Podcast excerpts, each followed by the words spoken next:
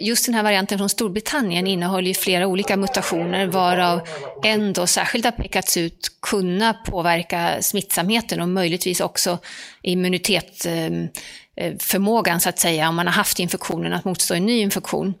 Eh, så att vi ser med stort allvar på den och har ju särskilda rekommendationer för resenärer från Storbritannien och hushållskontakter till dem. De duggar tätt just nu de alltmer alarmerande rapporterna om olika mutationer av coronaviruset. Främst handlar det om mutationen från Storbritannien som sägs vara betydligt mer smittsam än det ursprungliga viruset och som försatt landet i ännu en omfattande lockdown och stängt gränserna mot omvärlden. Men även i Sverige har vi fått in mutationen och fallen väntas öka.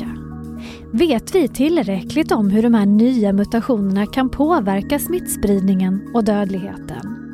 Fungerar de nuvarande vaccinen även på dem? Och finns risken för dubbla pandemier?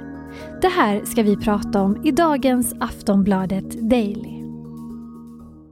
Och vi ska göra det med Björn Olsen som är professor i infektionssjukdomar vid Uppsala universitet.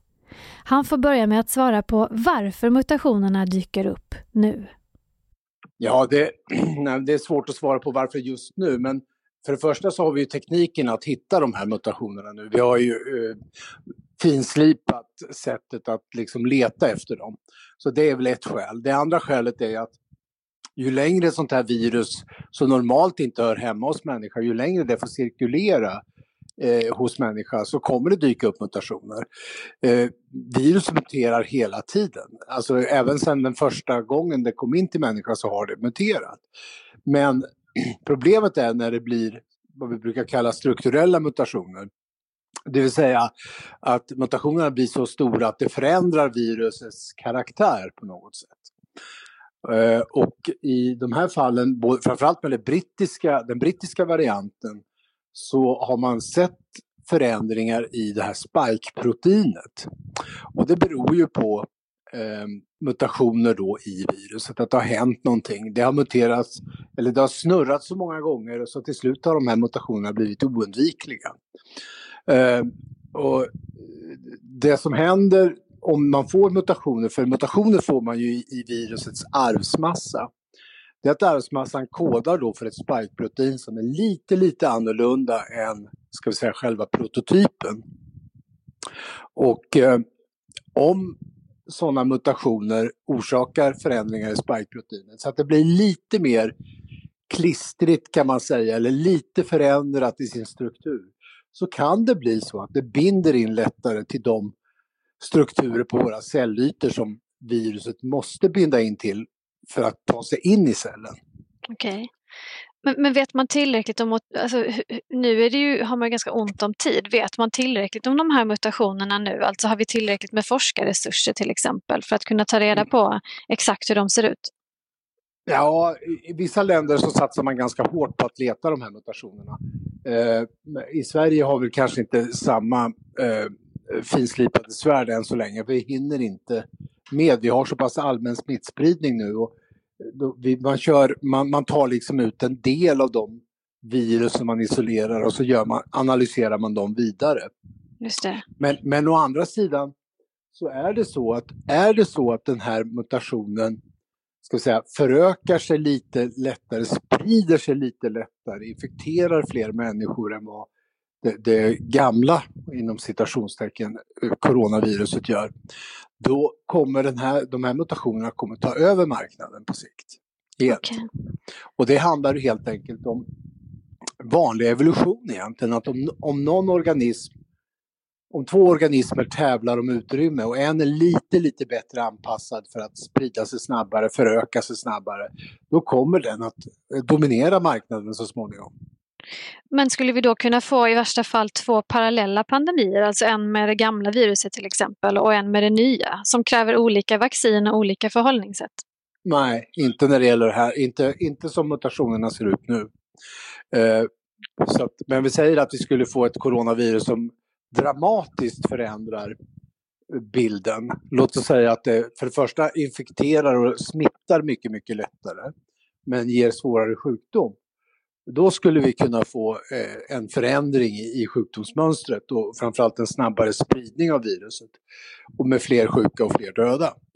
Men bara det att viruset eventuellt då när det gäller det här brittiska viruset är mer smittsamt så kommer det att dominera hela ska säga, virusfloden till slut. Det, det, det kommer att trycka undan de andra virusen helt enkelt. Många känner sig väldigt oroliga när det gäller de här mutationerna och det görs förstås nya studier hela tiden. Men vad är det senaste vi vet om hur de olika vaccinen fungerar mot mutationerna som vi känner till nu alltså? Ja, som vi känner till nu så fungerar vaccinerna utmärkt fortfarande.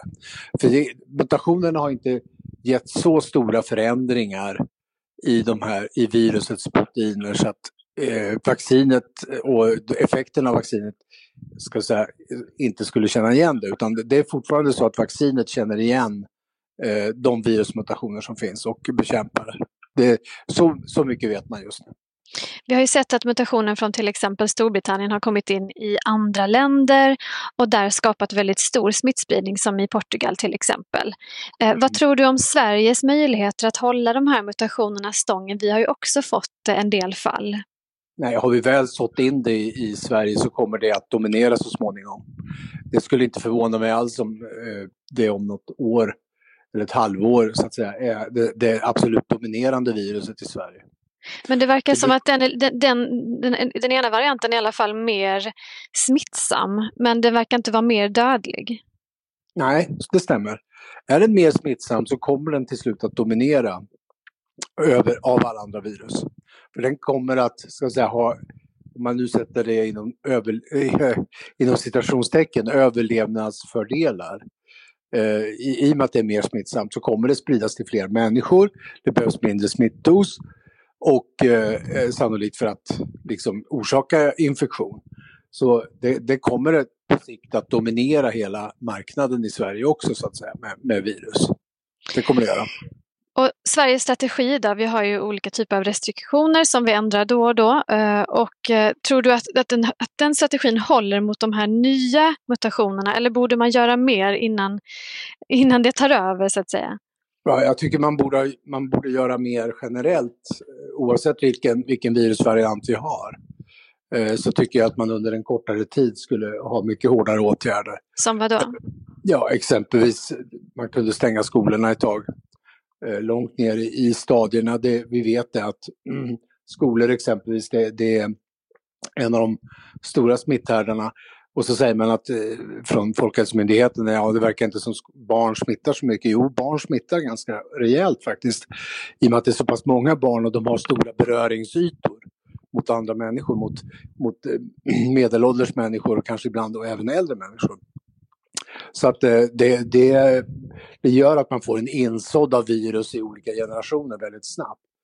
Eh, och, eh, men oavsett vilka åtgärder vi vidtar så, så har det liksom ingen större betydelse om det, det muterade viruset eller inte. Nej. Men hur kommer det sig att ni gör så olika tolkningar kring viruset? Eh, du tänker på Folkhälsomyndigheten ja. eller andra som... Ja. ja, men det har vi gjort sedan allra första början. Vi sa ja, men nu vet man ju mer om viruset och ändå görs det så olika tolkningar om hur smittan sprids till exempel. Ja, alltså, den, den, man kan säga en av de stora brytpunkterna har ju varit det här med eh, asymptomatisk smitta, att vi alltså smittar ett par dygn innan vi blir sjuka. När vi inte vet om att vi är sjuka. Och det är kunskap som vi har haft sedan i våras, men det är först kunskap som har på något sätt slagit igenom nu hos eh, myndigheterna. Och det är väl, en, det är väl liksom ett av de stora problemen. Det är ju det som har tillåtit den stora virusspridningen. Vi har haft så enormt många människor som har varit helt besvärsfria men ändå virusspridare. Och eh, de har funnits där ute och om man då säger att ja, du ska vara hemma om du är sjuk. Eh, då innebär ju det att vi missar ju de här människorna som går omkring och smittar utan att vara sjuka. Så det är ju, det är ju den stora ska säga, brytpunkten då mellan, mellan många forskare och världssamfundet kan man säga och Sverige. Samtidigt är det många länder som har haft omfattande lockdowns där smittspridningen ändå eskalerar. Absolut. Och man kan ju fundera på hur det hade sett ut om de inte hade haft lockdowns. Det hade kanske varit ännu värre då. Nu ska vi ha klart för oss att om man räknar, om man tittar på, för det första är Sverige väldigt diverst, det är väldigt olika i olika regioner. Men eh, som i, i, i Malmö exempelvis, eller i Skåne och i Stockholm har vi haft en extremt hög, Västra Götaland också, en extremt hög smittspridning. Och vi ligger ju, nationellt sett så ligger vi bland de 5-10 länder som har flest ska vi säga, döda per miljon invånare. Medan om du tittar på de länder som verkligen har vidtagit åtgärder, Norge och Finland, eh, de har ju alltså en tiondel så många döda och till och med ännu färre döda än vad vi har.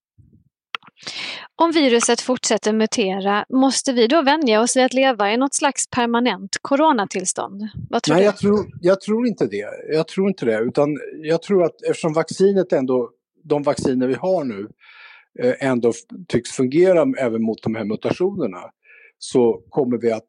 Det, det, vaccinet är den stora game changern kan man säga. Den, den förändrar hela spelbordet. Och är det så att vi får ut vaccinet väldigt, väldigt snabbt till människor så kommer det att vara ett sätt att öka immuniteten i befolkningen och på det sättet då bryta smittkedjor. Mm. Och eh, så att jag tror att vi med vaccinets hjälp så kommer vi kunna återgå till ett, ja, post en post-coronatid. Givetvis kommer vi vara tvungna att vänja oss vid att det här viruset alltid cirkulerar i befolkningen och framförallt väldigt säsongsbundet. Men eh, det kommer inte vara så att det kommer att dominera. Det, det, tror jag inte. inte. Speciellt inte om vi får en bra snurr på vaccinationen. För då kommer det att balansera virusets framfart. Just det. Ganska optimistiska toner från dig ändå, men om vi försöker blicka in lite i framtiden. Vilket är, det, vilket är din största oro när det gäller de här mutationerna? Ja, alltså så, så länge de håller sig inom ska säga, inom ramarna för vad vaccinet klarar så, så är jag inte så särskilt orolig för det. Men, men det är klart att om viruset får fortsätta att cirkulera obehindrat i stora delar av världen så kan det dyka upp mutationer som gör att det verkligen smiter undan vaccinet. Och det är inte ett trevligt scenario. Det är det inte. För då får vi en helt ny variant så att säga som kommer ut och som kan sannolikt också då smitta de som är, eh, som är vaccinerade. Så då skulle vi kunna få en ny spridning, nya vågor av viruset. Men än så länge så håller det sig inom ramarna och eh, så då har vi ett väldigt effektivt motmedel och det är ju dels att naturligtvis trycka ner virusförekomsten i, i samhället så mycket det någonsin går. Och det andra är vaccinet. Och det, vi ska ha klart för oss att vissa länder som har väldigt låg smittspridning idag, för de kommer det vara ganska enkelt att vaccinera upp befolkningen. För de behöver ju inte kämpa emot en, en enormt hög smittspridning samtidigt. Så de kan ju lägga väldigt mycket resurser på vaccination. Medan som ett, ett land som Sverige och ett par andra länder som har väldigt, väldigt hög smittspridning, de måste liksom dels kämpa mot själva smittspridningen i sig men samtidigt också få ut vaccinet och det kan ju bli stora logistiska problem. Det här viruset har kommit, det har kommit för att stanna och när det gäller virus så finns det alltid överraskningar i bakfickan. Det måste vi ha klart för oss. Sist här hörde vi Björn Olsen, professor i infektionssjukdomar vid Uppsala universitet. Jag heter Olivia Svensson och det här har varit ännu ett avsnitt av Aftonbladet Daily. Nyhetspodden som kommer ut måndag till fredag. Prenumerera gärna på den. Hej då så länge!